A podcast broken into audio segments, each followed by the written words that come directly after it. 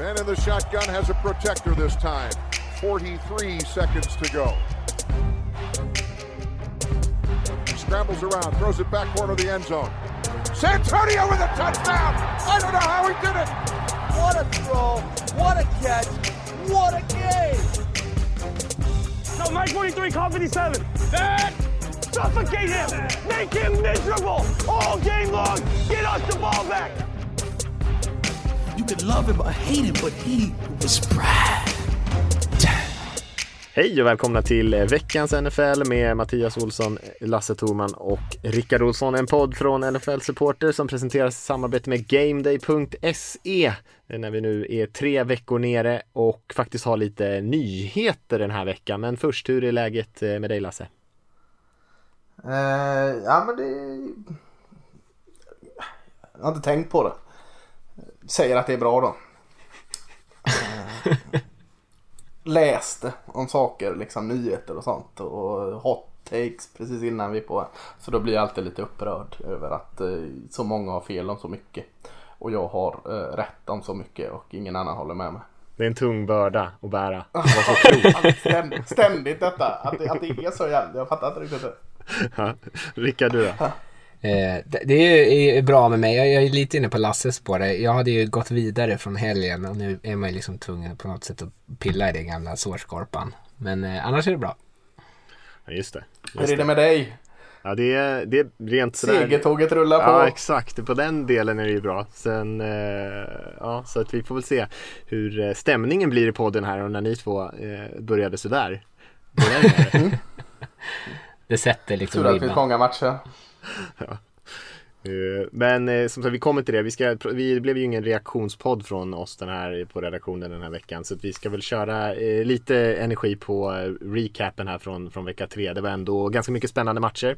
Sen eh, ska vi köra lite spaningar, lyfta fram någon spelare vardera som man kan hålla ögonen på. Och så snacka lite matcherna också. Men vi kan väl börja med det som är Stora snackisen just nu, det är egentligen kom nyheten breakade kan man säga precis tidigare ikväll här. Vi står ju och spelar in här på, på sent på tisdagskvällen eh, och det var att det har skett ett litet utbrott av eh, covid eh, i NFL och det är Tennessee Titans där man har fått tre spelare som har dragit på sig corona och fem stycken liksom i övrig personal sådär. Så vilket gjorde att eh, Tennessee eh, direkt stängde ner alla lagaktiviteter hela den här veckan eh, fram till egentligen till, till helgen och matcherna. Och samma sak för eh, Minnesota Vikings som mötte Tennessee här i förra eh, helgen i söndags. Så det är väl den stora grejen som det snackas om just nu och vi får väl hoppas att det inte blir någon mer smittspridning någonting. Än så länge är det ju en eh, droppe i havet. Eh, men förhoppningsvis så blir det inte så mycket ringar av det. Tråkigt när en sån liten grupp förstör för så många. Exakt, oansvarsfullt. ha, dessa, dessa sabotörer. Uh, nej, jag, jag väljer att se på nyheten på ett annat, med ett annat öga. Jag tycker uh, imponerande att det här en ganska liten liksom smitta ändå. Eh, är det första som har hänt hittills. Jag är väldigt eh, överraskad, positivt överraskad att det här är det första och att som det ser ut nu inte är värre än så. Och att de agerar så bra som de gör. Jag, så, så jag väljer att se det med, med positiva ögon. Ja, det var väl väntat att det skulle komma någon gång. Mm.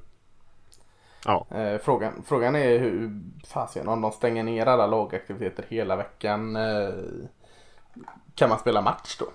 Eller kan kan man väl men... Ja, alltså Just nu tänk... sägs det det. Men ja. eh, mm, det är inte säkert tror jag. Titans ska äh, möta ju Steelers. Det är en rätt viktig match. För dem. Ja, verkligen. Eh, och så, så göra det utan att träna. Det känns ju väldigt eh, orättvist. Men eh, ja. Så det är väl vad det är. är. Vad ska man annars göra? Det är ju svårt att göra någonting åt det. Nej. Vikings är ju också de... 0-3. De får ju absolut inte torska. ja, Nej, det kanske är bra att sitta ut en träning. Ja. För dem. Träna på fel saker ändå. Ja.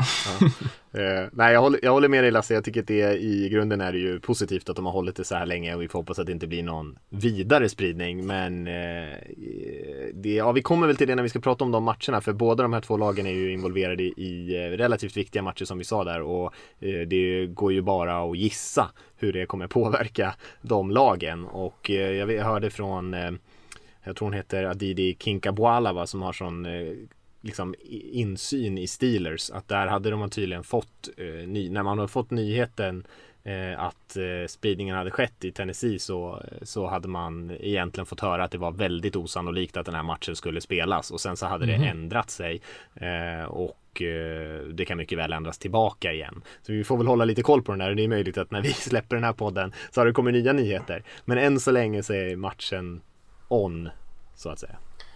Ja, det hade varit helt sjukt om Steelers tog sig an veckan på något annat sätt. Eh, om att de förutser att matchen inte spelas och sen att den spelas. Så uh, får vi hoppas att de inte jobbar så. Så, så, så ja, men ni kan, ni kan sitta kvar i soffan här nu. Fan ta lite extra dipp på chipset där nu Roland. För att uh, två veckor till match och så sen står den där. Så får vi hoppas att Tomlin och de inte tar sig an det så. Nej, det hade kanske varit rättvist å andra sidan. Ja, jo. Ja. Eh, ska vi eh, säga någonting om några matcher från eh, vecka tre här? Det var ju ändå en hel del spännande fighter. Eh, och jag kan börja med en match som jag såg i alla fall som jag stängde av mitt i.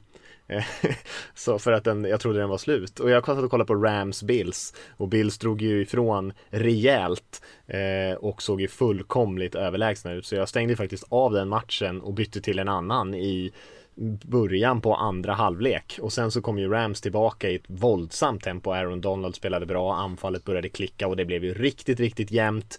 Eh, och ja, den avgjordes inte egentligen förrän eh, på sista driven i stort sett när Josh Allen och Bills var tvungna först att konvertera ett tredje 22-spel och sen också fick lite flyt att de fick en eh, pass interference flagga på fjärde down som var ah, väldigt, väldigt ticky-tack får man väl säga i alla fall, väldigt petig. Eh, och ja, enormt petig enormt petig.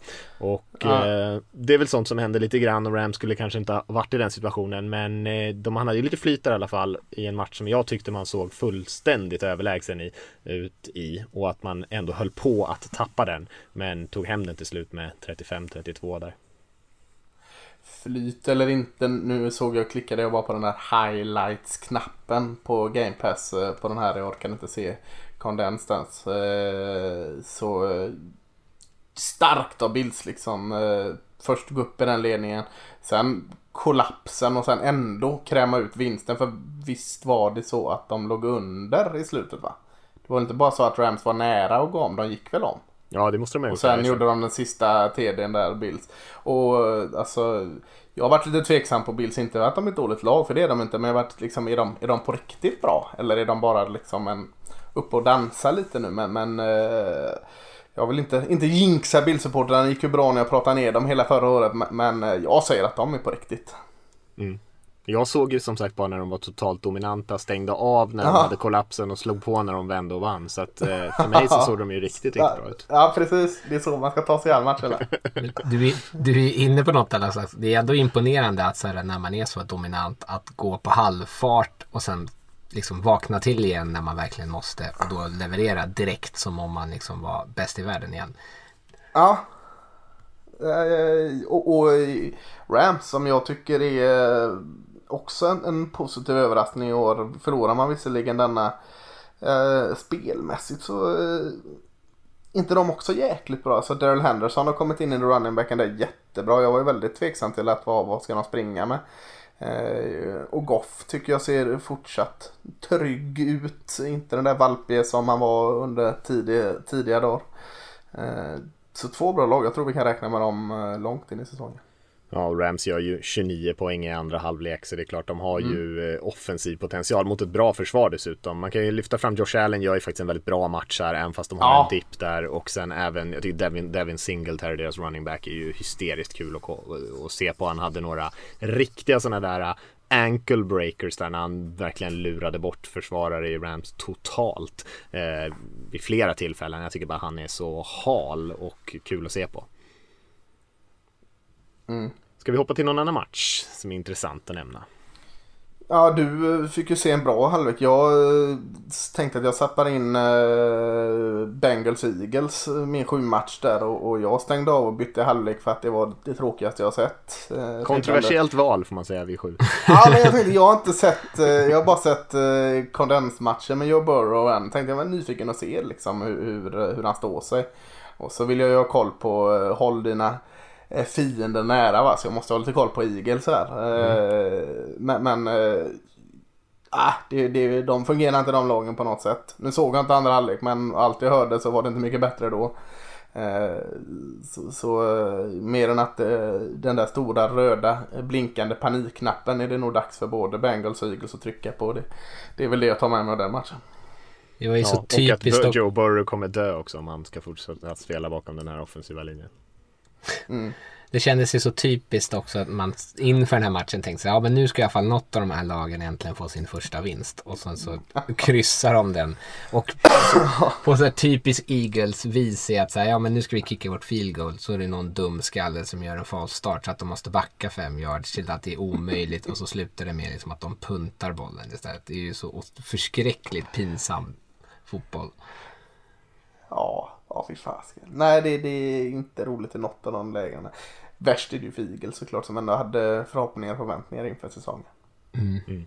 När till och med Washington football team liksom tweetade ut där At least we're not the. Philadelphia Eagles. Då är det riktigt illa alltså. Det är bra trolljobb ändå, tycker jag. Ja. Från dem.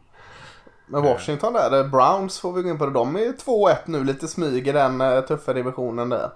Eh, kanske inte allt som funkar så jättebra i, i Cleveland Browns, men, men eh, 2-1 ändå. Ganska eh, tuffa på marken. Ja visst.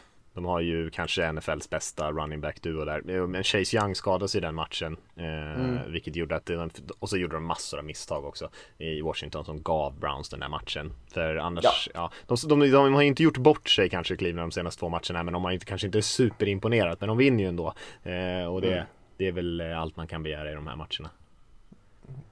Rickard, vi har dansat lite runt den, men det var ju en riktigt fin match. Eller innan avspark i alla fall. Spännande match mellan eh, Las Vegas och New England. Ja, det var en kul match i första halvlek tyckte jag. Eh, Raiders eh, mötte ju Patriots och de förlorade eh, med eh, 36...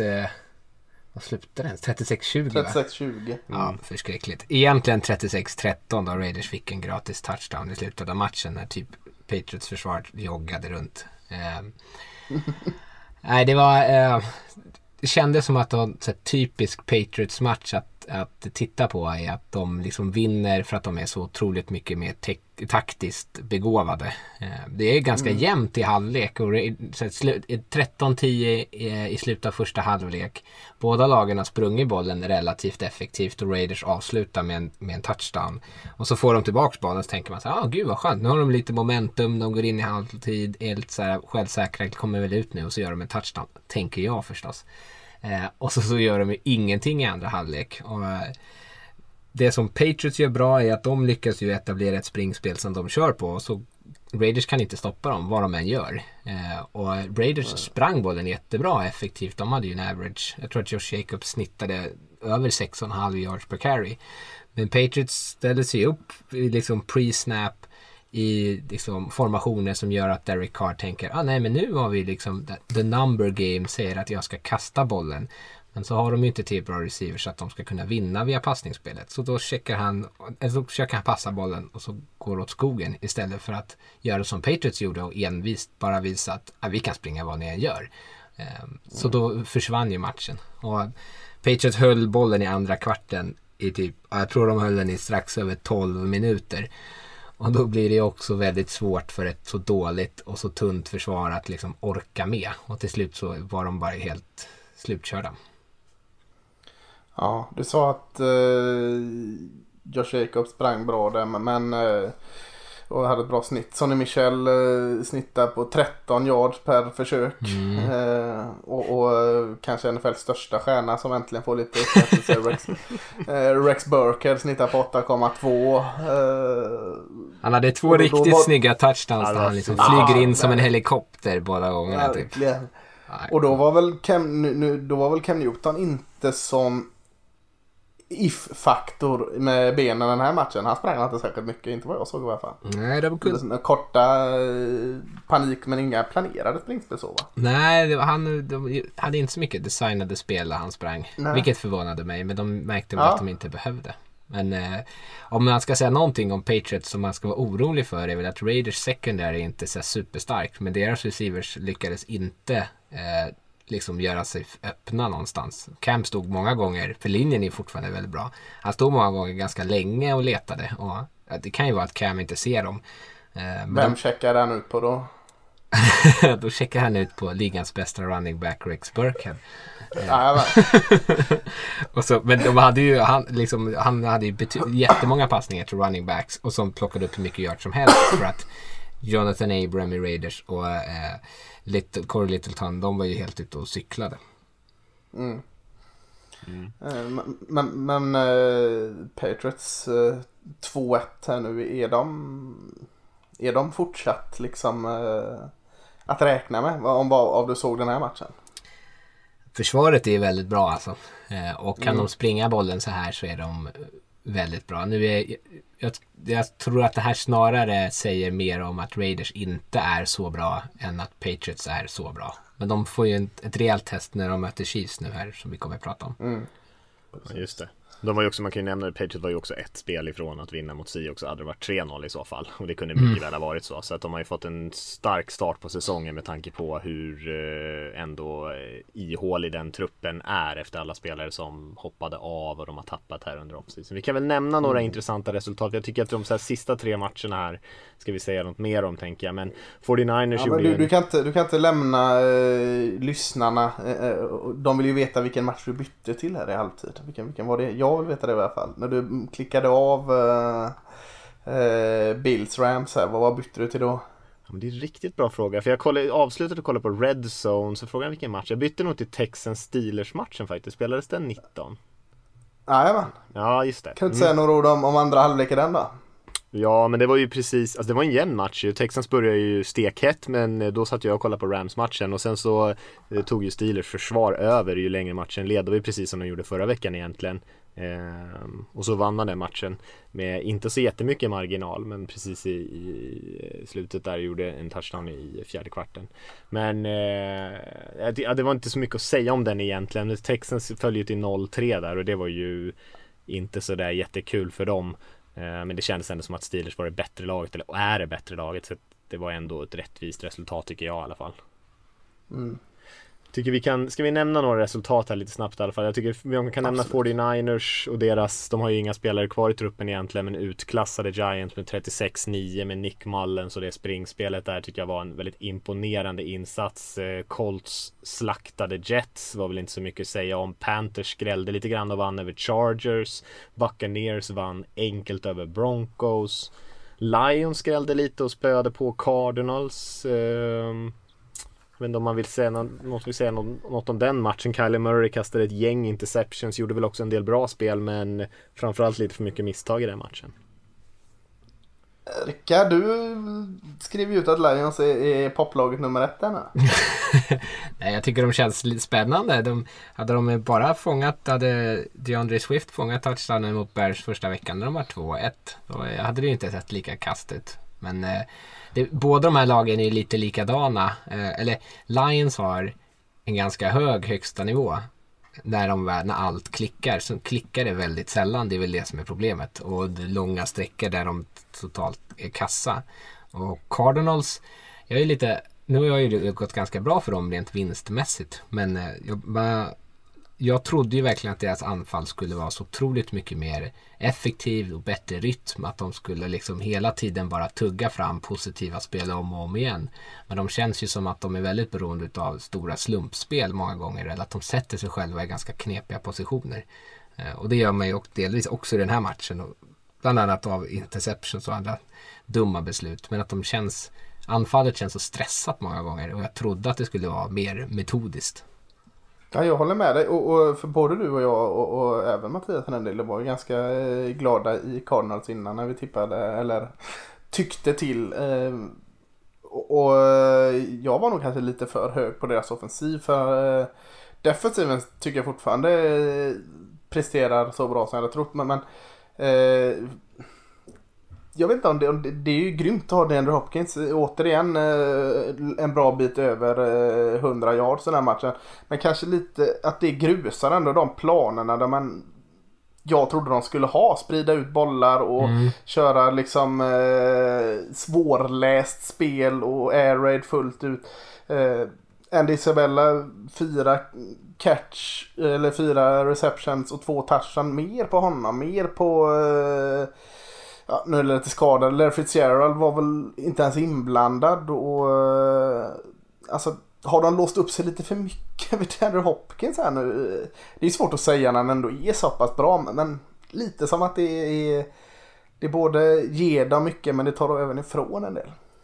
Lite samma diskussionen som fördes i Texans när han var där. Är att de, Ja. man många gånger tittade och tyckte man att de forcerade bollen till honom i situationer där det liksom inte riktigt var nödvändigt. Eh, då, då kanske man tolkar det som att de inte hade bättre alternativ. Här finns det ju gott om alternativ. Eh, I ve- första veckan då höll de ju verkligen på och kastade till honom mer än vad de behövde. Men då trodde jag, då tänkte jag så här, ja men det är väl bara ett sätt för att boosta honom lite och få traden att se lite snygg ut och eh, för att visa att han, de kommer använda honom så att de sen inte måste fokusera så mycket på honom. Men det, det känns oroväckande att de, om det är så att de känner sig låsta i att använda honom så känns ju det inte jätte, jättesmart.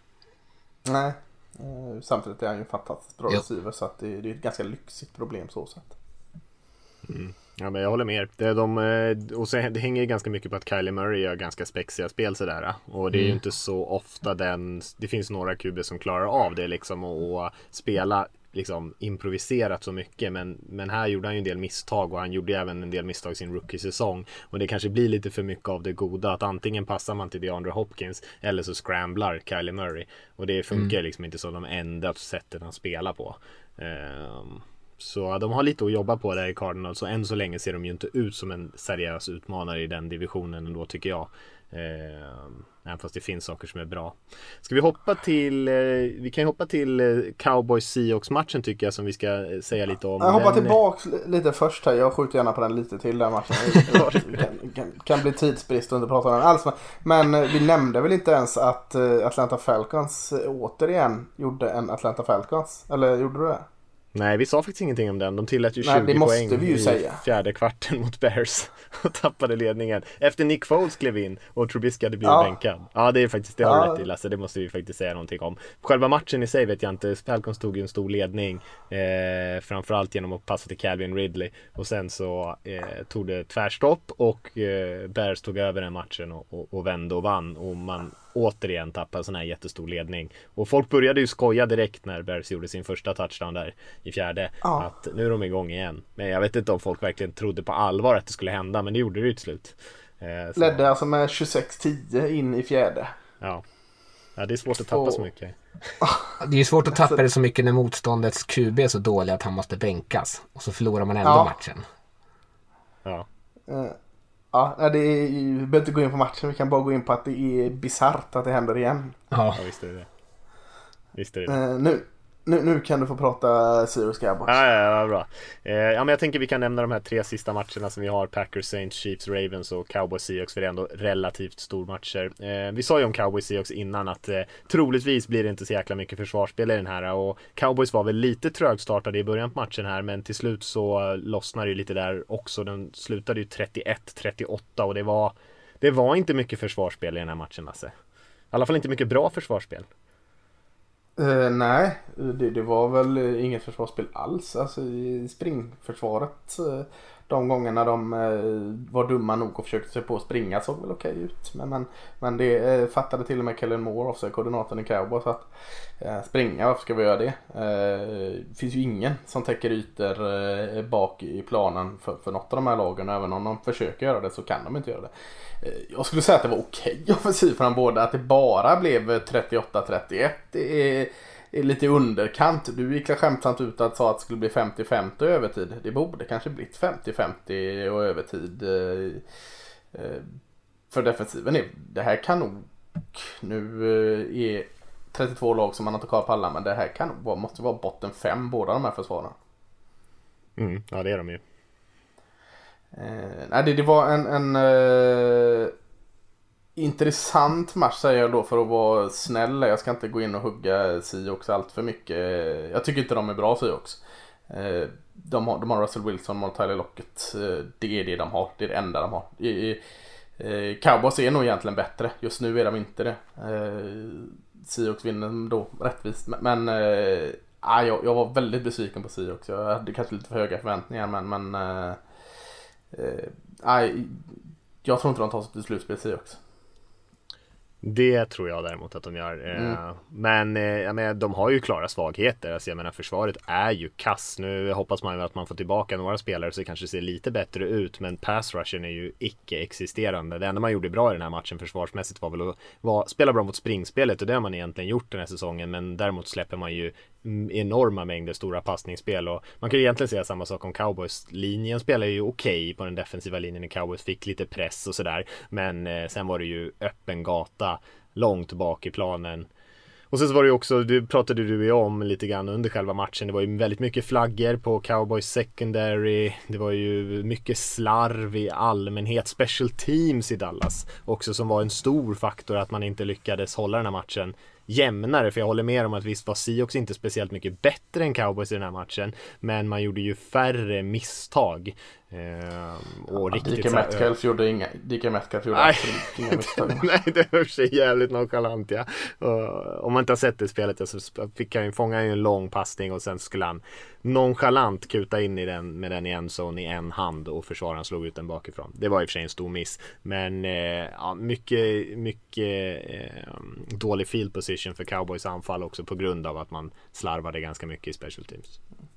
Mm. Jag skyller inte det på någonting nu så det är inte, det är inte så det ska inte tolkas som det alls slarvigt eh, special teams, cowboy special som var bedrövligt förra året och nu skulle man få det att bli bättre och det ser än sämre ut. Men jag tänkte på eh, den här safetyn som uppkom väldigt, väldigt tidigt. Eh, eh, när han halkar och fumlar och slarvar i, i, eh, i endzone så det blir safety. Jag såg jättemånga som halkade, alltså eh, även Jamal Adams skada kom till vad jag tyckte det såg ut som att han halkade på mattan. Eh, du som ser Seahawks alla matcher, är det vanligt eller kanske inte något du har tänkt på? För att Eh, jag har aldrig sett en, en eh, spelare halka runt så mycket som på, på den här mattan. Både Seahawks-spelare och Cowboys-spelare.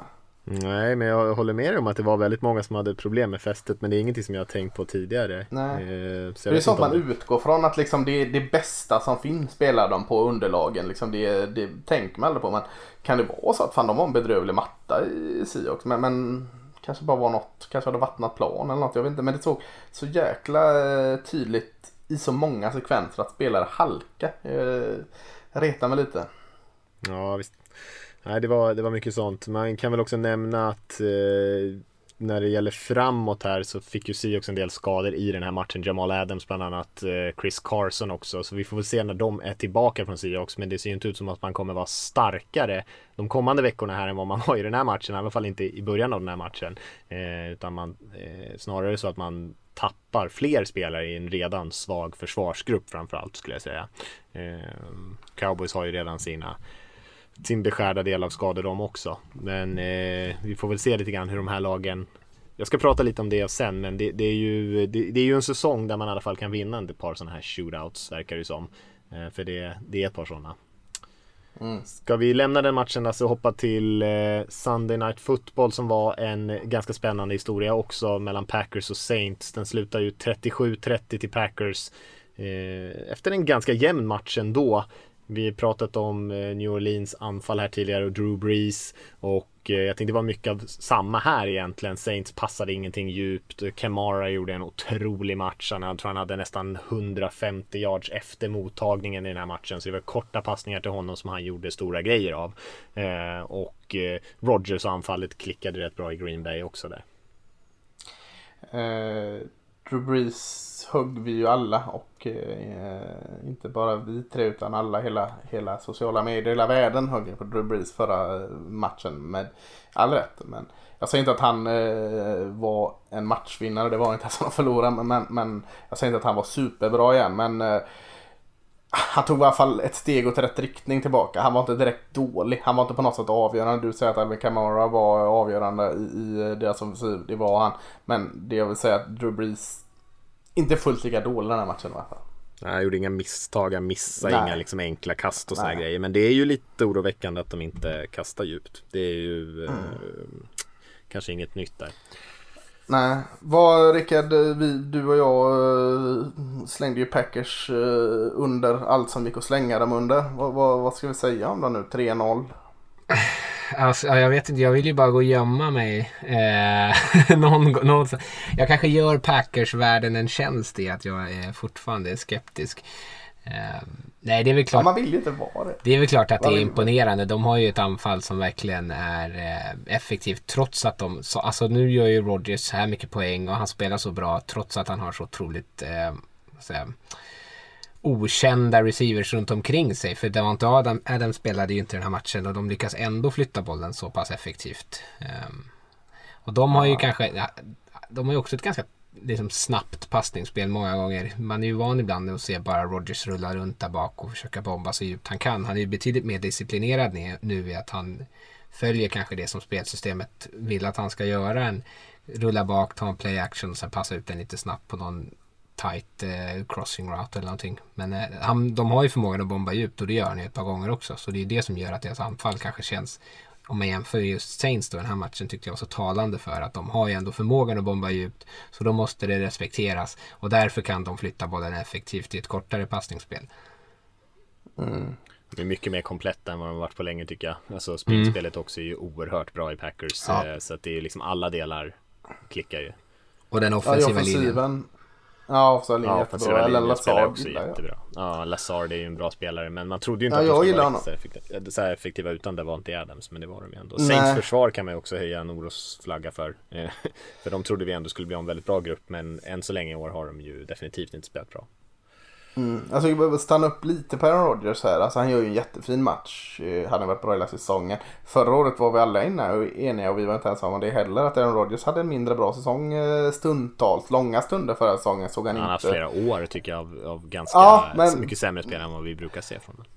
Eh, Och, och jag, jag vill liksom inte ta ifrån Aaron Rodgers någonting. Eh, en fantastisk quarterback, eh, både historiskt sett och eh, en, en dag bak i backspegeln. Men han är ju också lite så här streak bra. Alltså att när det går bra för Aaron Rodgers så rullar det på.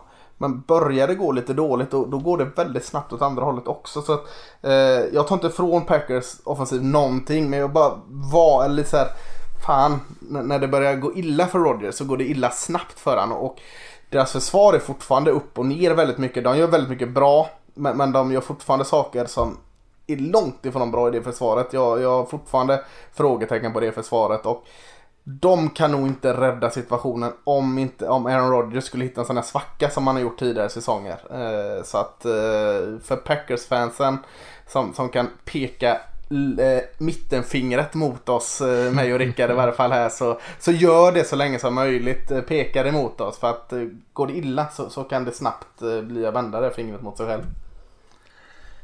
Mm, ska vi lämna någonting eh, innan vi blir färdiga med recapen här på sista matchen? Det var ju stor match, eh, Monday Night Football, Chiefs mot Ravens. Många tycker att det var de två bästa lagen i NFL, eller är de två bästa lagen i NFL. Och vi pratade ju om Ravens lite tidigare den här säsongen, att de visade att de kunde vinna när de fick passa bollen. Eh, här hamnade de ju under lite annat typ av test. Eh, Chiefs tog en tidig ledning och Ravens måste passa bollen eh, när motståndarna kanske till och med väntar sig att de ska passa bollen. Och det var ju lite det som har, som har hänt dem tidigare när det har sett lite hackigare ut och eh, Lamar Jackson och, eh, och passanfallet lyckades inte alls eh, göra det. Och man såg ju väldigt tafatta ut i den här matchen jämfört med det Ravens vi är vana att se. Så ett litet, litet oros. Det är ett bra lag de möter och det är okej att torska en match men eh, ett litet, litet orosmoment ändå att man inte kan spela bättre än så här i en sån här stor match. Och framförallt kanske eh, fortfarande det som är eh, många pekar på som kanske deras enda svaghet att när de är ett rent dropback passningslag att de inte kanske kan konkurrera med de bästa. Tyvärr inte lyckades övertyga här heller och Chiefs vann ju enkelt. Mahomes är ju en jättematch. Mm, vänder på det lite då och säger att eh, Andy Reid, har du hört den förut? Att han har ju en perfekt matchplan mot ett eh, tufft motstånd. Eh, Baltimore spelade väldigt mycket utpräglad man-man och, och de har inte fått, han spelar snabbt. Han utnyttjade Hill maximalt här, snabba spelarna, snabba spel, snabb Eh, drop av eh, Mahomes och där syns, eh, både jag, eller vi har ju varit inne på här att eh, Baltimores försvar visserligen bra men det är de här gamla gubbarna där. Kanske inte finns den där superfarten. Det såg Andrew Reid också. Och, så, och, och spelade snabbt, snabbt, snabbt och då hängde inte Baltimores försvar med. Patrick Queen, jättespännande linebacker, men här såg han verkligen ut som en, en uh, förstaårsspelare när han skulle falla tillbaka mot pass. Så att uh, Andy Reid eh, gör en sån här grym coachmatch igen. Och till och med lät deras left tackle Eric Fisher få en touchdown där i slutet.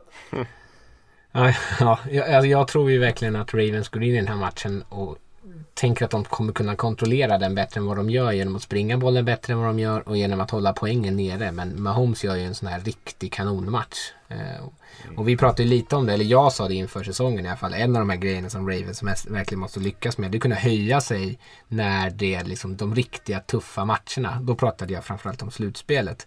Men här är det ju liksom lite uppenbart tycker jag samma liksom problematik i att så här, men nu möter vi det absolut bästa laget i NFL. Hur reagerar vi? Och så tycker jag i alla fall att man lägger ett ägg på det här sättet. De har ju 70 offensiva passningsyards totalt om man räknar med att det är de förlorar i sina sacks. Och, och så, så, kan man ju inte spela fotboll och framförallt inte mot ett Chiefs som tvärtom är absolut, absolut bäst när det verkligen gäller. Mm. Ja, visst, det är, en, eh, det är en liten röd flagga på Ravens här eh, utan att överreagera över en match. Men, eh, men vi var inne på det lite grann tror jag förra veckan också att Chiefs har ju faktiskt inte spelat så bra de första två matcherna. Särskilt inte offensivt och det verkligen inte känns som att det har klickat och att man har haft någon riktig rytm. Men att jag tror att vi var rätt överens om att det var ju liksom bara en tidsfråga innan det skulle hända. Eh, det är för mycket bra spelare i det här Chiefs-anfallet. Eh, och eh, de klev upp ordentligt här inför den här stormatchen. Mm. Vi hoppar vidare tycker jag i programmet. Det var en ganska rejäl recap där, men det var det väl värt tycker jag. Ska vi, eh, vi sa att vi skulle göra varsin spaning och sen kanske också lyfta varsin spelare som vi tycker att man kan säga några extra ord om den här veckan. Och vi kan väl börja med spaningen. Ska vi gå ett varv? Börja du eh, Mattias med din spaning? Ja, det är väl någonting som jag varit inne på lite grann. Det är ju sjukt mycket anfall den här säsongen, sjukt mycket poäng. Eh, jag kan tycka att det är kanske lite för mycket anfall eh, och att det skulle vara kul med lite eventuellt motstånd. Men jag ställer mig frågan lite grann så här, finns det egentligen något försvar i hela NFL som spelar bra den här säsongen. Och det är väldigt, väldigt tveksamt om det finns det. Daniel tror jag redaktionen lyfte här att det är den eh, lägsta poängtotalen den här veckan var 37 poäng och det är ju en, ändå en, det är ju inte någon jättepoängsnål match utan det öses in poäng egentligen på alla lag. Och när jag satt och funderade lite på vilka, vilka försvar som faktiskt har spelat bra än så länge så är det inte så lätt att hitta någon. Colts har ju en bra statistiskt sett men de har ju mött väldigt dåligt motstånd. Och, och i övrigt så landade jag på att det kanske bara är Tampa Bay som jag tycker spelar solitt försvar över hela brädet och Steelers egentligen där det finns luckor i passförsvaret definitivt men pass rushen kompenserar för det så på helhet så är man ändå en bra enhet mot både spring och pass tycker jag. Eh, och sen så lyfter du in Rickard att Chargers kanske faktiskt ska få sig en liten pinne i den här eh, diskussionen också för att man faktiskt har spelat bra eh, framförallt i matchen mot Chiefs. Men i övrigt väldigt svårt att hitta bra försvar eh, tycker jag. Ja, jag håller med. Det, det, det har varit väldigt offensiv offensivglatt och, det, det, finns ju, det är ju det av en anledning. Inte bara att offensiven har blivit så mycket bättre. Så att eh, du är verkligen inne på något där. Jag kanske vill lägga in med tanke på omständigheterna och förutsättningarna att Patriots kan, kan nämnas bara. Alltså, mm. eh, med så många tapp som de har haft så eh, då kan man fortfarande ha ett dåligt försvar men, men jag tycker eh, jag vill bara få in dem lite i, i varje fall ett okej okay försvarsspel av New England Patriots. Ja, nej visst. De har spelat bra efter, efter vad som har, de har fått stå ut med men samtidigt Seahawks gjorde 40 poäng på dem. Ja, precis. så det är liksom, det är ju inte riktigt de här 10 poängsmatcherna som de hade i fjol. Nej, så det ligger verkligen något i det du säger. Mm, hopp, ska vi hoppa vidare? Ja, jag kan ta eh, eh New York Jets. Det är verkligen mungiporna ner i vanlig ordning för New York Jets och Adam Gaze. Eh, och general managern där eh, är ingen som vill se dem där och allt är skit. Eh, då blir det lätt att skylla på Sam Darnold, alltså quarterbacken i New York Jets. Att eh, kass och det är värdelöst och eh, det var en bast att ta honom. Och Sam Darnold gjorde ju såklart ingen jättematch här när de förlorade stort mot eh, Colts, passade massa picks och annat. Men, men jag skulle ändå vilja liksom stanna upp att eh, Sam Darnold är fasken inget problem för Jets. Eh, tvärtom, jag tycker man ser goda egenskaper i honom mellan alla de här grejerna han tvingas till att göra. Så att jag bara skulle vilja, eh, liksom, man har en tendens att bara slänga en quarterback under bussen snabbt som fasiken. Eh, Tålamodet är kort, det är den viktigaste positionen. De drar oftast högt de här som det pratas om. Eh, så visst ska man ha kritiska ögon till dem och, och allt sådant. Men, men någonstans måste man liksom se verkligheten. Han har ingenting sedan dagen. Han har inte haft någonting till sin hjälp sedan han kom in i NFL. Och då menar jag ingenting. Han har ingen offensiv linje. Han, han har inte haft ett fungerande springspel som kan lasta av honom. Receivers har han ingenting heller. Det, det är de råkar, råkar vara receivers på depth charten så de får spela receivers. Eh, kollade på andra, liksom Josh Allen när han kom in i Buffalo.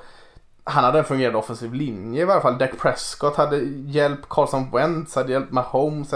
Alltså de här lyckade experimenten, de, de har i alla fall haft något hjälp. Många har haft mycket hjälp men, men som Donald just att han, han har verkligen inte haft någonting. Så överlever han bara för att han inte pensionerar sig för att han är, är fotbollsinvalid. Så eh, tror jag fortfarande Sam Darnold är framtiden för New York Jets. Bara de får ordning på någonting som kan hjälpa honom. Mm. Men det är liksom ändå, man kan ju också säga från hållet att det kanske inte är någon idé att drafta någon ny quarterback så länge resten av Nej. truppen är sådär värdelös. Så att jag menar det är ingen idé att stressa riktigt. Det finns mycket annat att ta tag i. Ja men precis, men, men, men liksom häng allting i Jets men häng inte Sam Darnold. Det är, liksom, det är min spaning liksom. Att det är lätt att skylla på kuben, särskilt när han passar massa picks. Det kommer han alltid göra Sam Darnold. Han är en, eh, den typen av kuben. Men eh, det gottiga i honom finns fortfarande kvar. Mm. Jag hakar lite på det här med QBs då. Och nu pratar du om att man ska inte slänga honom under bussen. Och så, för jag reagerade lite på när jag tittade på eh, Herbert här senast i Chargers. Och sen när man tittar på Burrows förstås. Att de är lite, det är någon som håller på att putta dem lite in framför den här bussen och se om de kommer hantera det eller inte. För nu om man kollar på antalet passningsförsök så är de Eh, i ordning då så har Herbert han är har näst flest passningsförsök per match i NFL och Herbert är fem, eh, femma i näst flest passningsförsök. De har kastat 47 respektive 41 passningar per match. Eh, och ska man så skripta upp så kassa förhållanden som man någonsin kan för en rookie-QB då är det väl att man förväntar sig att han ska bära laget helt ensam och passa så här mycket. Eh, och då, återigen, nu är ju visserligen, ja, Bengals är ju förstås, de fick ju välja först av alla för att de var sämst av alla förra året. Så det är ju klart att de har problem. Eh, men vad är det liksom för förutsättningar man sätter dem i? Man kommer ju eventuellt förhoppningsvis inte hamna i samma som Darnold situation med att han inte har någonting att jobba med. Han står bakom en urkass offensiv linje. Han har blivit säkrad flest gånger i NFL redan. Och Herbert står också bakom en dålig offensiv linje och han har, de har ju tillräckligt bra försvar för att han inte ska behöva kasta bollen så här mycket. De borde ju bara etablera ett springspel och försöka spela poängsnål fotboll istället för att tvinga honom försöka bomba bollen hela tiden. Um, så min spaning är väl lite så här om man då vill undvika, om kopplar det till din, alltså om man vill undvika den här Sam Darnold-effekten att fansen sen står och pekar fingret på kuben och säger det är ditt fel. Då kanske man inte ska kräva av kuben att vara lösningen på alla lagets problem. Nej, framförallt inte match två och tre i deras NFL. Nej. Nej. Ja, jag håller med. Jag sa ju det innan där att, eh, att det finns en chans att Joe Burrow dör innan säsongen är slut. Eh, eller blir mm. fotbollsinvalid som Lasse sa. Eh, mm. För att han, får ju, han tar ju oerhörda mängder stryk och ganska rejäla smällar också tog han ju senast där. Eh, och det är inte riktigt hållbart. Både han och Herbert är ju liksom stora kroppar ändå men det är ju inte riktigt det hjälper ju inte riktigt när benen börjar gå sönder där inne eller någon, något jävla organ. Eh, så det är kanske inte, jag håller med dig, det är, inte, det är inte så här man vill att det ska se ut. Nej. Ska vi eh, ta varsin, det är väl bra spaningar tycker jag. Ska vi ta varsin spelare och lyfta lite extra? Ska vi, vi kan köra lite snakes där. Vi går tillbaka åt andra hållet och Rickard får börja. Ja, då tänker jag in på våran Slack-chatt där som är vår Patreon så eh, skrev Magnus Adolfsson på redaktionen så postade han någon tweet om eh, Jalen Johnson, cornerback i, i Bears som har tillåtit minst antal yards i, när han spelar i press i NFL. Nu är det kanske en lite väl utvald eh, statistik men eh, Johnson draftades ju i år i andra rundan. Jag tror att det var val 50. Eh, så han föll en del och det var ju för att han är ganska specifikt ett liksom, han ska spela ett presssystem. Men när han gör det så gör han det ju väldigt, väldigt bra. Och nu har han ett bra försvar runt omkring sig dessutom. Men han har verkligen imponerat och eh, för att vara liksom vald så långt sent i hackordningen på cornerbacks i draften så är han kanske den som har imponerat allra mest. Eh, och nu kommer han den här veckan då möta ett Colts eh, där man har en interception-maskin i Philip Rivers på andra sidan så kanske han suger in någonting. Så ska man kolla den matchen så tycker jag att man ska hålla ett extra öga på Jalen Johnson där ute på kanten. Mm. Det är alltid bra att få lite också tips för corners för det är inte alltid lätt att, att snappa upp dem själv när man sitter och kollar på tvn tycker jag. Jag tycker det är en av de eh, secondary är en av de svåraste positionerna liksom att eh, ha någon eh, någon eh, kamera på någon. Mm. Så att eh, det, det, ska jag försöka kolla också. Eh, jag tänkte rulla tillbaka lite till eh, en spelare som har varit lite i ropet. Det har pratats om eh, comeback player of the year här redan och det är edge rushen i Cowboys. Cowboys mäktiga försvar. Eldon Smith leder ju NFL just nu i antal sex med, med fyra stycken. Eh, ganska kryddad eftersom han mötte eh, Seahawks högersida där och samlade på tre av dem mot Seahawks. Men, men, men det, är, det, är, en eh, intressant, väldigt intressant historia kring Ella Smith. Han har alltså varit borta fyra år nu från fotbollen när, när Cowboys plockade upp han här. Eh, bara tänkte, för er som inte följde NFL eh, lika hårt mellan eh, 2011 och 2016 här så eh, kan jag ta bak ta tillbaka lite där. Eh, han, han, han valdes ju av 49ers eh, nummer sju i första rundan. Så han, han var ju väldigt lovande eh, från college och eh, redan sin första start här så eh, bjöd han på 14-6 och blev eh, defensiva rookie of the year och följde upp det med 19,5-6 året efter och liksom hela världen var eh, hans. Men sen så 2013 så kom det en bilolycka med han inblandad och så visade det sig att han, ja, han var nog påverkad av marijuana när han körde och han hade nog lite marijuana i bilen. Ställde upp och åkte in på rehab och, och, och allt detta. Men sen var han tillbaka igen och stod ändå för en bra säsong. Eh, men sen var NFLs eh, Substance Abuse Policy framme 2014 och stängde av han nio matcher igen. Då började det gå trögt. Eh, och sen hade han väl en hit and run och en rattfylla här i 49 2015 eh, och då tröttnade 49 och släppte honom och, och eh, gled ju eh, Rickards då Oakland Raiders in och tog han där. Men det blev ytterligare en års avstängning här när de undersökte hans rattfylleri och, allt detta. Så han valde att lägga av 2016 från fotbollen efter allt detta och Eh, men, men Cowboys plockade upp han i mars här nu och han fick tummen upp från NFL i maj och köra. Och efter tre matcher nu så har han 20 tackles och 4-6. Så att eh, galet imponerande ändå att vara borta från fotbollen i fyra år och, och komma in och ändå leverera som man gör här eh, snabbt. Det, kanske inte få en 19,5 sex säsong av Eldon Smith men, men eh, liten återblick eh, kring eh, varför det pratas lite extra om honom. Ja, och jag tror att det, om man inte hängde med på den tiden så det, kanske man inte ens förstår hur bra han var. Han, vi pratar ju om en av de eh, mest produktiva pass rushers i NFL-historien hans första år egentligen. Han var ju en mm. superduperstjärna. Eh, och vi har ju sett några sådana här med missbruksproblem. Jag tänker på Justin Blackman som kom till Jaguars och var också en sensation. Mm. Eller Josh Gordon i Browns. Eh, som också, eh, som, vissa de här, man visste det här lite innan också att, att det var, fanns lite röda flaggor kring de här spelarna. Men som är liksom sådär våldsamt begåvade. Eh, och det är ju en annan Aldon Smith vi ser nu. Han är ju XL-versionen. Det är inte riktigt samma typ av spelare men han är ju Nej. fortfarande kraftfull och, och, en bra spelare. Vilket är sjukt när han inte spelar på så länge. Ja. Jag tänkte jag kunde lyfta en eh, spelare i Packers här eftersom de har ju fått lite ris och ros här i podden än så länge. Jag tänkte jag lyfta deras left tackle där, David Bakhtiari. Som är en fantastisk offensiv linjespelare. Framför allt i passblockering skulle jag säga. Om man ser över de senaste åren här och tittar tillbaka så har han ju varit i pass tycker jag ganska tydligt den bästa attacken i NFL. Och han är ju bra i alla delar av spelet. Eh, så värd lite extra cred tycker jag. Offensiva linjen spelar väldigt, väldigt bra i Packers. Som sagt, springspelet funkar mm. jättebra. Rogers har ju mycket tid som helst och eh, det har varit lite upp och ner över de senaste åren. Men Bakhtiari har alltid varit bra.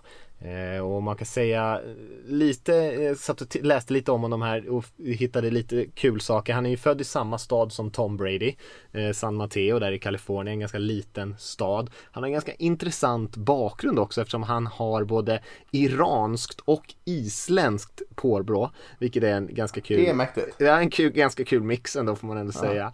Eh, och så fick jag också veta att eh, för de som tycker om att spela lite sällskapsspel att eh, Bakhtiari tog med en, eh, ett, en kopia av det här Settlers of Catan som är ett väldigt, eh, väldigt populärt eh, brädspel. Och, eh, och visade det för sina lagkamrater där i Packers. Och sen, des, sen dess gick de ganska all in på det och har spelat jäkligt mycket Settlers. Eh, både när de har varit on the road med laget och sådär. Eh, och jag tyckte bara att det var en kul scen att föreställa med de här typ 150 kilos grabbarna sitta och pilla med de här små plastvägarna och små, små städerna som man bygger där i det lilla Settlers-spelet. Eh, och tyckte det gav lite extra krydda till Bakhtiaris personlighet ändå. Ja, men det, han är ju jättebra. Irriterande bra han ibland. Ser så lätt ut. Ja, verkligen. Och det är det som är irriterande. När någon mm. får det att göra sån svår grej. Ser så enkelt ut.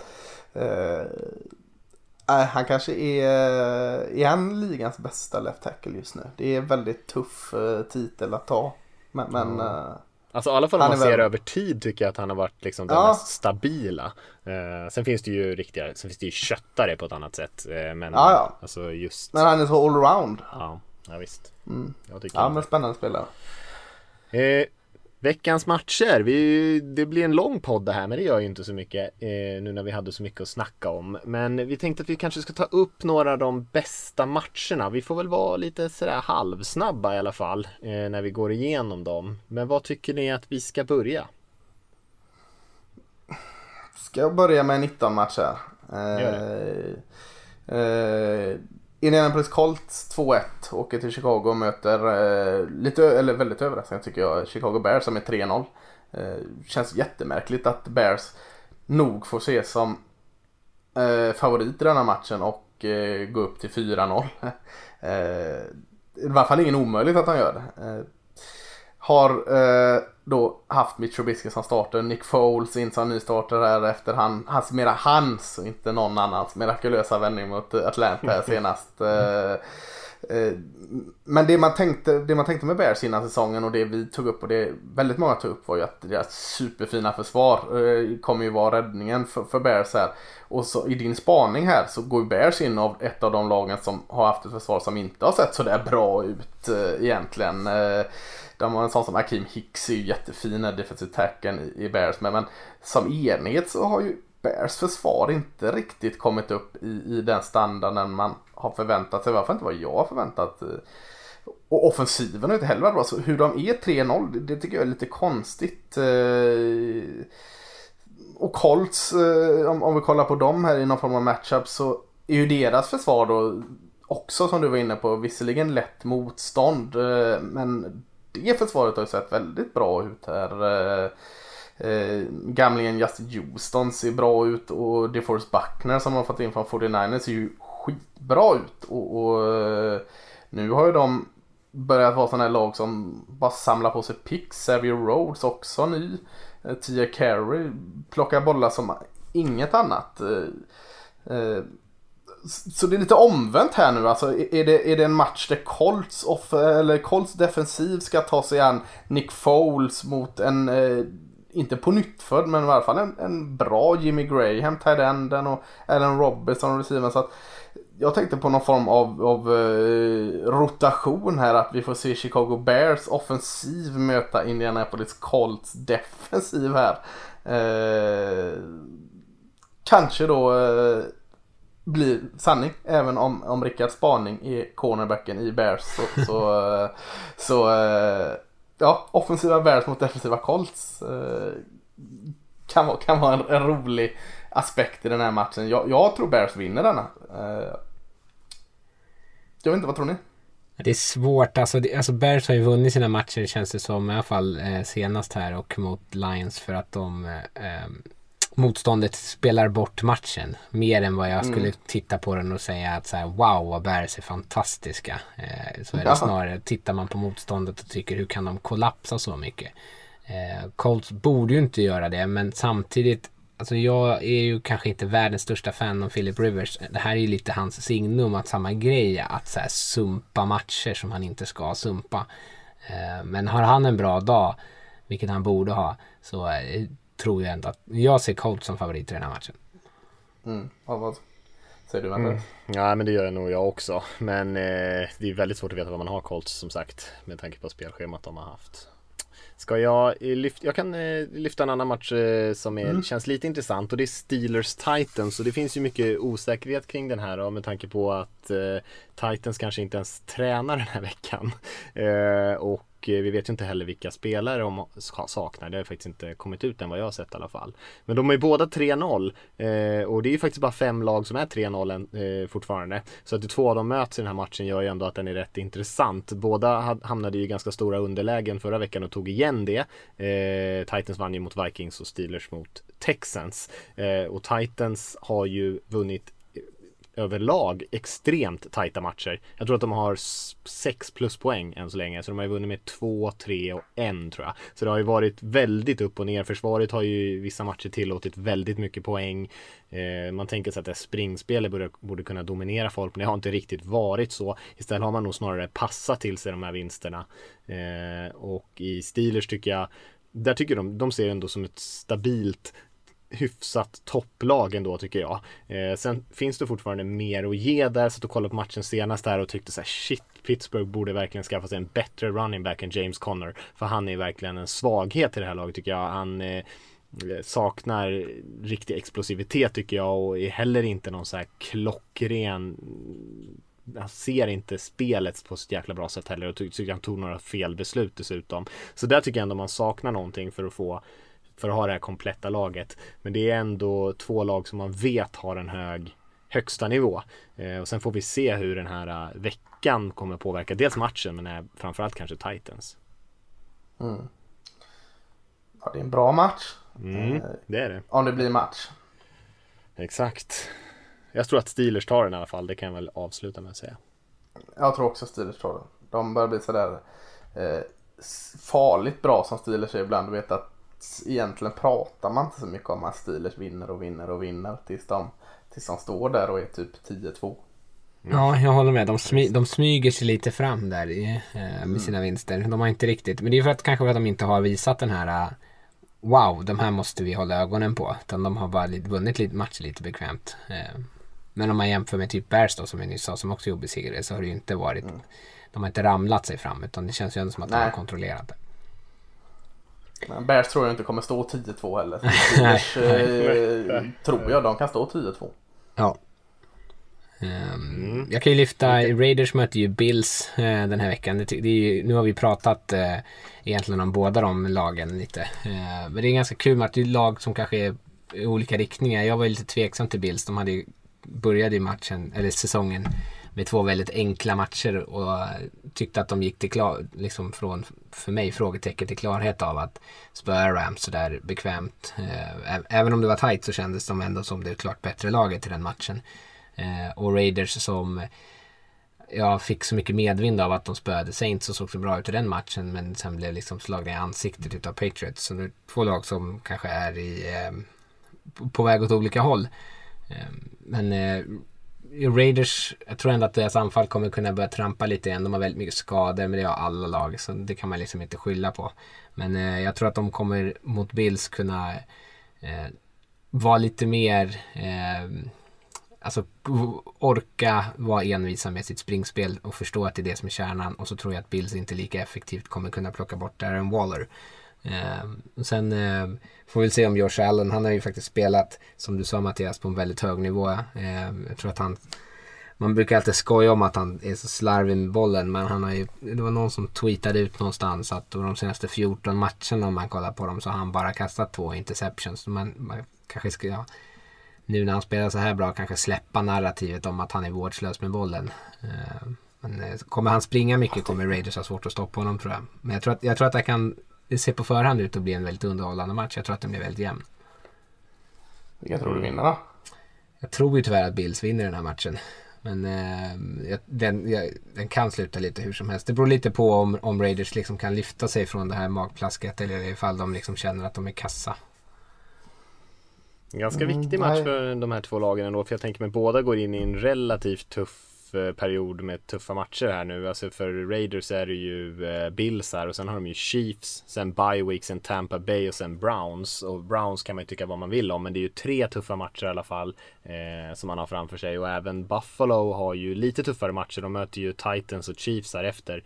Eh, och sen har de också Patriots, Seahawks bland annat sådär lite, lite senare. Så att eh, ehm, det, det, är två lag som har gått bra här i början, men som kommer prövas lite grann de kommande veckan. Och det börjar väl kanske lite grann den här veckan då.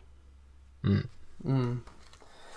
Eh, på tal om Browns, de, de eh, åker ut i Texas och möter Dallas Cowboys. Och eh, Cowboys pratar vi om en hel del mot Seahawks eh, så jag tänkte inte prata så mycket om, om dem. Men, men, men eh, Browns här, eh, de är ju 2-1 trots allt och det ska man inte be om ursäkt för. Men det är ganska mycket som eh, inte funkar trots allt i Browns som, som vi är vana i.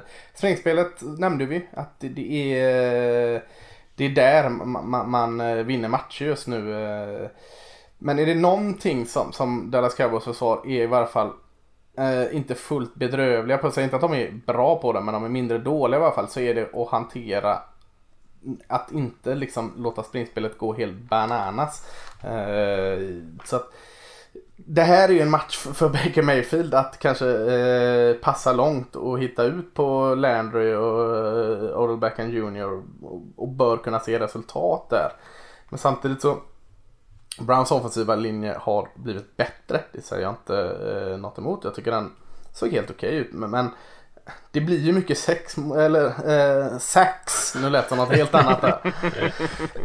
Jag får hosta lite här. Det, det, det, andra vet jag, har jag ingen aning om. Det är ett familjeprogram Lasse. Nu får du liksom Ja, det kanske, att, eh, kanske det blir också. Men sex mot eh, Baker Mayfield. Eh, och eh, det ska bli intressant att se hur det blir. För att nu fick man till bra press mot, eh, mot uh, här senast. Eh, och, och, och, kanske man får lite vind i segern. Elon Smith som jag nämnde där. Och eh, Demarcus Lawrence kanske måste komma igång.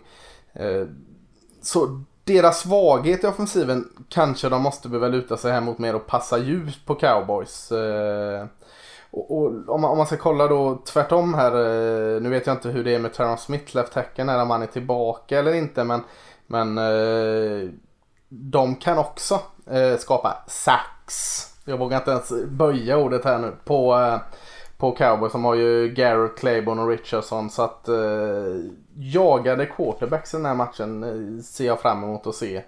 Eh, och Cowboys offensiv med eller utan bra playcalling är ju vast. Så eh, nej, eh, offensivglad match med quarterback som säkerligen kommer att göra ett par misstag tror jag. Men, men jag tror nog eh, till slut att den här matchen passar nog Cowboys lite bättre så att eh, de, de, de vinner nog tror jag. Mm, kul match tycker jag. Det känns, eh, ja, det känns roligt. Det känns lite, lite mer, eh, den känns lite mer cowboy än några av de andra lagen som är, eh, som har kanske inte lika mycket skadeproblem, inte lika mycket upp och ner som, som cowboys och browns. Så det känns som att det kan bli mm. lite hur som helst. Mm. Vad har vi ja. mer för intressant? Utan att jag, liksom, jag tar liksom patent på covid-matchen här så kan man ju nämna eh, Vikings-Texans där också. Eh, två lag som, man behöver inte säga så mycket om dem, men de är ju 0-3 båda två. Och eh, de mötte ju de här två andra lagen som jag pratade om, Steelers Titans, och istället då tappade stora överlägen. Eh, och eh, Houston har haft ett jättetufft spelschema här i början. Eh, men samtidigt kanske också sett inte så bra ut. Eh, jag tyckte inte de såg bra ut ens vecka ett och blev direkt lite orolig för dem. Eh, och man kan ju säga samma sak om Vikings då, fick, som fick storstryk då. Eh, men eh, Minnesota borde ju ändå kunna ge lite mer tycker jag. Den här matchen känns så jäkla för om man tänker sig att två lag som ändå ska kunna räta upp sin säsong så måste ju ändå här vara två av dem som ändå är kandidater till att göra det. Men det är ju eh, 0-3 är ju ett tillräckligt jäkla djupt hål egentligen. 0-4 är ju fullständigt kört skulle jag säga. Den som förlorar den här matchen den, den når inte slutspel och det är nästan nästan spiken totalt ner i kistan. Eh, men... Texans gjorde väl det för ett par år sedan? Mm. det var från 03 var det, eller var det från 04? Det, jag tror det var från 04. Det är ju extremt ovanligt att ens gå från 0-3. Ja, men det är ju några lag som gjort det så det är inte omöjligt. Men ja, eh, då kan man ju inte torska mot ett annat 0-3 lag tänker jag. Om man nu hade tänkt att man ska vända säsongen och gå typ 10-6 eller något. Eh, så att eh, ändå viktig match för de här två. Mm. Vilka tror du vinner? Jag tror Vikings tar det. Mm, tror jag med. Mm, jag tror Texans. Jag tror att de, eh, alltså, om, man, om det är någon av dem som skulle ha en chans på slutspel så känns det som att Texans i den divisionen kommer ha större chans på att hänga med. Om Packers nu springer iväg med North där så kommer ju Vikings ha tufft. Um, och, eh, ja, känns som att de är... Kirk Cousins, ja, det är ju nu man börjar tveka på honom kanske som han kommer börja prestera. Mm, Justin Jefferson hade ju en jättefin match här nu. Ja, nya digs där. Mm. Just det. 175 yards eller något sånt där. Mm. Mm. Måste, vi måste ju lyfta Patriots Chiefs-matchen också. Det är kanske en av de, ja. en av de bättre. Uh, och Chiefs har ju nu, kommer ju nu av den här fantastiska vinsten mot Ravens. Uh, och ju pepp och, och om man ska säga någonting om uh, liknaden li, mellan Cam Newton och Lamar Jackson så båda är ju, springer ju mycket och ganska bra passare liksom. men kan man behärska Ravens anfall så borde ju Chiefs försvar kunna också stoppa Patriots anfall. Nu är ju Chiefs kanske secondary inte det mest skrämmande i världen men jag har inte så jättehögt förtroende för eh, Patriots eh, receivers. Det, han, kan de bara stoppa Edelman från att och springa sönder dem och, eller ja, ta emot korta passningar och springa sönder dem och kan de bara stoppa springspelet så tror jag ändå att deras försvar kommer kunna hålla nere poängen lite men jag tror inte att Patriots försvar kommer kunna stoppa Chiefs anfall.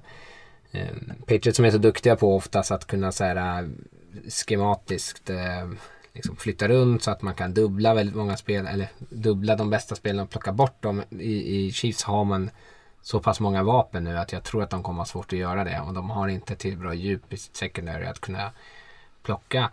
De, om de ska dubbla både Kelsey och Hill så tror jag att de blir väldigt eh, då kommer, det kommer Chiefs kunna utnyttja med djupa passningar på Michael Hardman som är så snabb eller att de kommer kunna eh, passa bollen eller springa bollen väldigt effektivt med rookien Clyde edwards som de verkligen har fått in fint i, i det där anfallet. Så jag har svårt, jag har svårt att se hur Patriots ska kunna stoppa Chiefs från att slänga upp låt säga 30 poäng. Och jag har väldigt svårt att se Patriots kunna slänga upp så mycket poäng. Nu gjorde de det visserligen mot eh, Seahawks eh, nära på tillräckligt mycket för att vinna den matchen. Men det är ett betydligt sämre försvar. Ja, självklart. Jag tänker att det måste vara NFLs två bästa coachingstaber här ändå. Ja, då, absolut. Ja, men det gäller ju att Andrew Reid har, kommer med en riktig gameplan här nu för att stoppa Rex Burkhead alltså. Det är, ja, det, är, det är det enda. Är det, är det någon som kan stoppa Rex så är det ju Andrew Reid. ja, det skulle vara han då.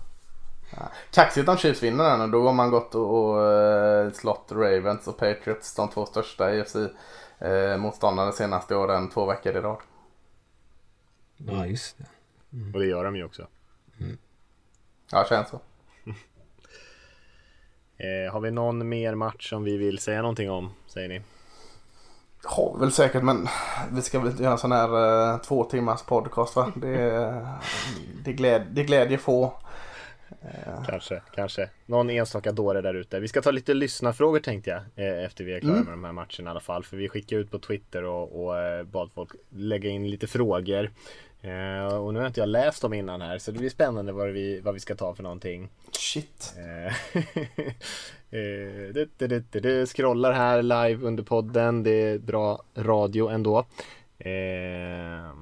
det var ju en fråga till exempel vilket 0-3-lag vi tror kan gå, nå slutspel och att det kanske också blir lite större chans nu när det faktiskt är en, ett sjunde lag i varje conference och gå vidare.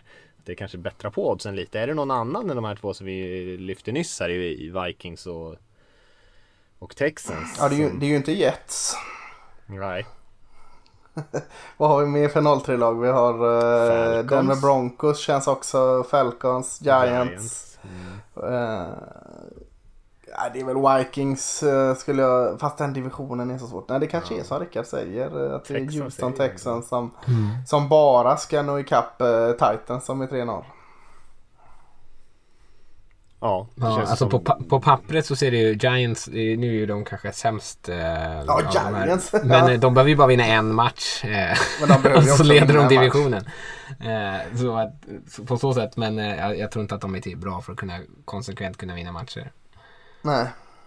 Nej, Houston och Vikings är väl de som är eh, om man nu inte har, om man nu tror fortfarande på Falcons. Mattias gör väl det lite. Du släpper väl aldrig Falcons? Nej, det är alltid Falcons.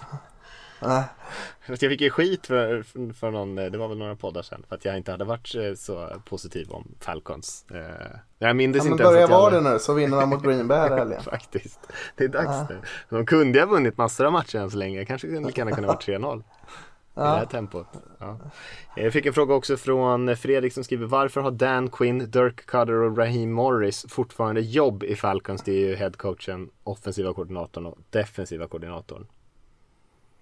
Nu när vi ändå Bra fråga.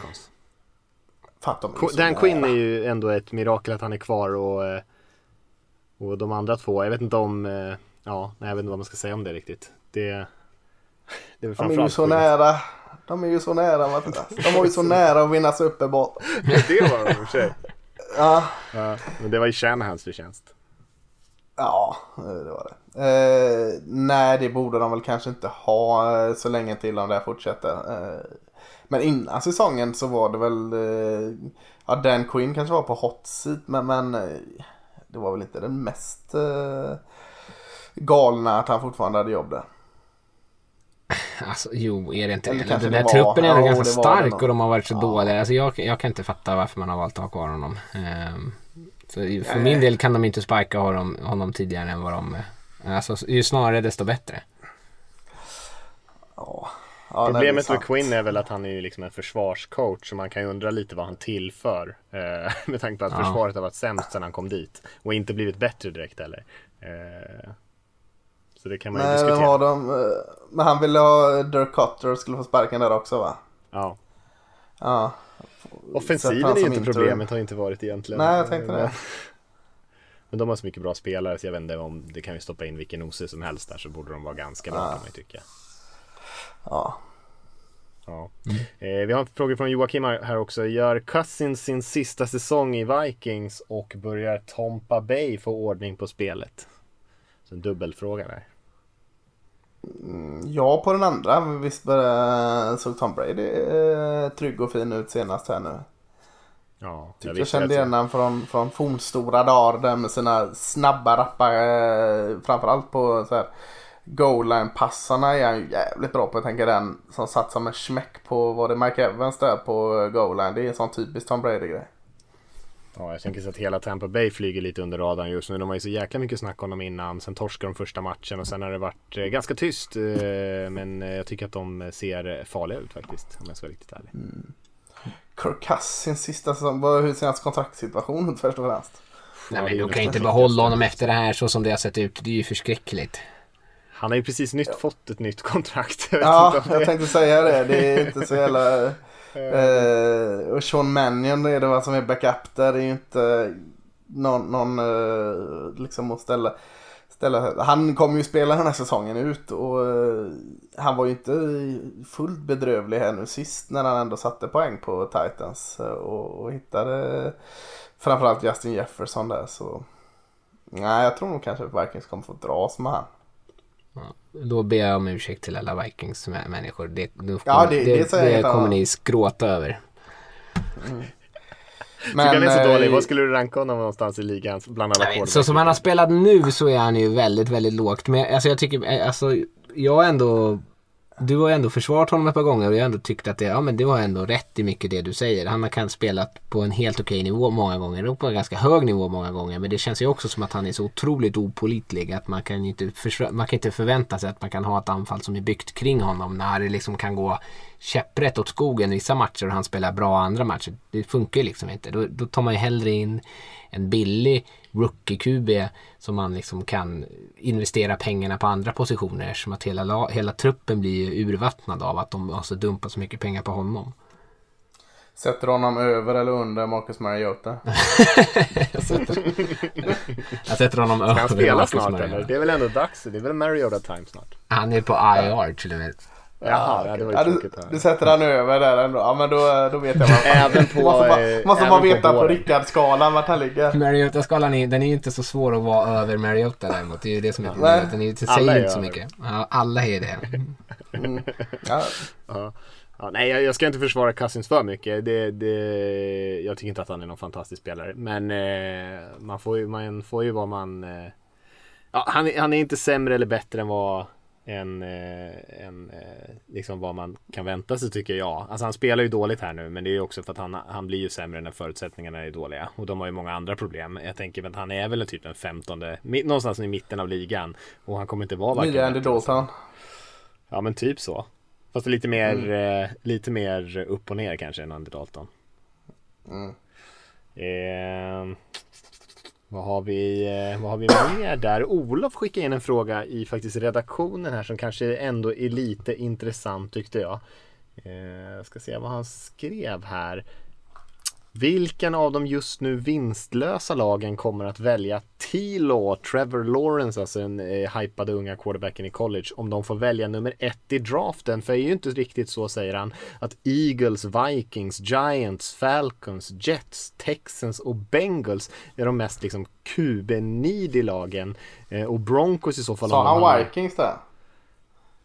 Eh, ja, de inkluderar han ändå. Och, eh, Ja. och så sa han också att Broncos har väl i så fall ett ganska lätt val.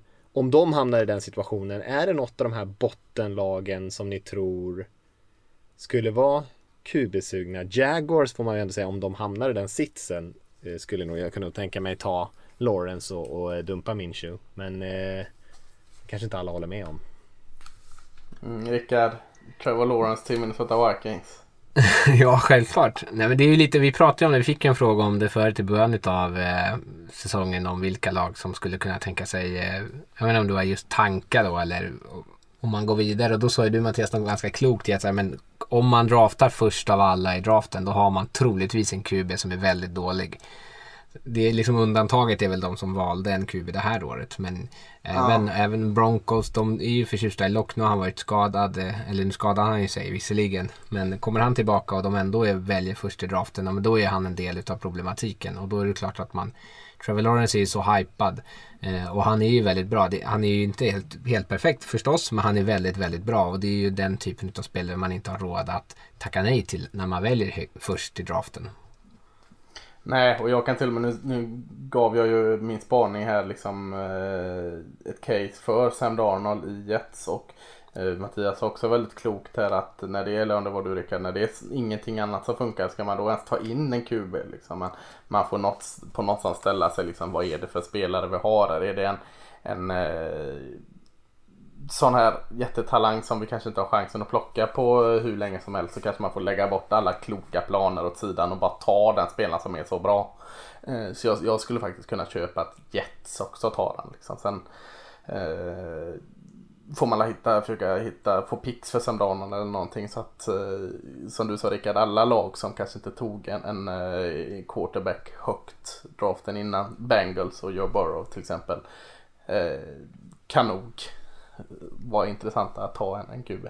För vi fick ju, Kim Elofsson skrev ju på Twitter där om vilket lag som är bäst med att tanka för Trevor. Och det är ju och det är lite samma grej. Alltså det är ju otroligt svårt att få det första valet i draften. Och framförallt att få det ett år där det verkligen också är en, en superhypad QB.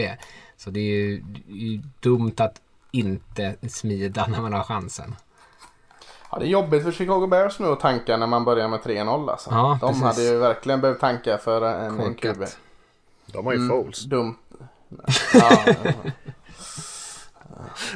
Sant. Ja. Foles eller Mariota Rickard? Uh, Foles. By a long shot. Patriots eh, hade också behövt eh, tanka också. Där. Det har varit så jäkla snyggt. Man har ett år utan Tom Brady och så kommer det en ny sån som spelar 20 år och hur bra som helst. Ja, det är många av de här lagen som räknar upp här som jag tror, jag tror inte de kommer välja så där högt upp heller i slutet av säsongen. Jag tror att ett lag som till exempel Jaguars kommer säkert börja torska lite matcher och sådär också tror jag. eh, Här så småningom. Ska vi runda av med en fråga som ändå knyter an lite till hur veckan rundades av där. Ja, eh, från, eh, från Mats där som skriver Hur stoppar man Mahomes? Skadorna. En hjälm på knät. Ja. Ja. Alltså när han det- spelar som han gjorde i natt så är det ju ja, nästan omöjligt. Ja. Ravens har ju, ett, eh, har ju haft ett av de absolut bästa passförsvaren i NFL och har ju väldigt mycket duktiga spelare där och det ändå var relativt chanslösa. Men det är klart man har sett Chiefs göra ganska dåliga matcher också. Jag vet inte om det går att säga så mycket om vad taktiskt vad man har gjort i de matcherna. Eh, mer än att Chiefs kanske inte riktigt klickat. Men eh, Nej men det var det som jag sa någon gång där innan lite skämtsamt. Det är nästan en idé att spela försvar om man inte har ett eh, elitförsvar mot Patrick Mahomes. Nej. Bara, to- bara toka, gör någonting liksom eh, helt eh, okontroversiellt. Eller kontroversiellt men jag. Bara sett eh, åtta man på blitz hela jäkla tiden. Liksom. Någonting. Eh, vad ska hända? Ska han passa någon fri eh, plan? Ja det gör han väl antagligen ändå. Dra upp den jävla kaninen ur hatten och hitta på något liksom. Det låter som ett otroligt skönt så här, möte för försvaret inför matchen. Bara, Ja. Vi kommer ändå släppa 40 poäng. Så vi blitzar allihopa varje spel. Ja. Eller motsatt, blitza aldrig. Ställ två i defensiva linjen och så bara fall bak. Eller, och, kör, eh, dubbla allt som går att dubbla. Ja, nej det är svårt. Det är jäkligt Nej, men finns det någon alltså. vettig förklaring till hur man stoppar den? Jag, jag har ingen. Så Jag tror att Chargers gjorde ett bra jobb. Ja, förlåt. Kör. Ja, nej, jag, tror bara, jag har inte så mycket att säga som är intelligent, men jag tänker att det man, eh, det man inte får göra är åtminstone är ju att tillåta de här jättestora spelen, alltså de här jättestora passningsspelen och det är ju betydligt lättare sagt än gjort, men jag skulle ju hellre se att Edwards Elair eller Dink och Dunk kortpassningar och kanske possession passningar på Kelsey, alltså sånt får A, försöka slå en och att man låter dem spela liksom långsamt eh, och hoppas på att man kanske antingen håller nere poängen lite eller lyckas forcera fram några misstag eller slarviga penalties eller sånt där. Eh, och att det kanske är liksom sättet man måste spela det på i alla fall. Sen om det lyckas eller inte, det, det vet jag fan. Det, det ligger väl lite på Chiefs själva också att de inte ska ha en bra dag. Ja, alltså, alltså, det, när man tittar på hur Chargers gjorde så var är det som gjorde dem effektiva att de fick press med fyra och det var samma med 49ers i Super Bowl. De fick också press med fyra och så kunde man, precis som du säger Mattias, falla bak lite, inte tillåta stora spel och sen hela tiden bara ligga eh, och komma liksom med fem stycken försvarare så fort någon tar emot bollen. Och då kanske också ta bort just Travis Kelce som är kanske deras bästa vapen i just den här possession-fotbollen och tvinga dem kanske spela den fotbollen med någon av sina andra receivers som kanske Hill kanske inte är bäst i världen på att bara plocka en kort passning och vara nöjd med att få 7 yards. För precis som du säger, det är ett anfall som bygger mycket kring att kunna generera stora explosiva spel och de blir lite frustrerade när de inte får det att funka. Både Mahomes och, och Breed tycker ju liksom om de här stora 60 yards touchdown-spelen förstås. Mm, vem gör inte det? Alla andra lag. Alla, alla som möter dem kanske. Ja, precis. Ja, eh, nej men, eh, men grymt hörni. Eh, vi, eh, jag tänker vi, vi rundar av här. Eh, vi är ändå uppe i ett ganska rejält avsnitt, men ett bra avsnitt tycker jag ändå. Fick in mycket. Så eh, får ni ha så bra där ute och njuta av matcherna så, så hörs vi igen i nästa vecka. Det gör vi. Ha det fint. Ha det bra allihopa.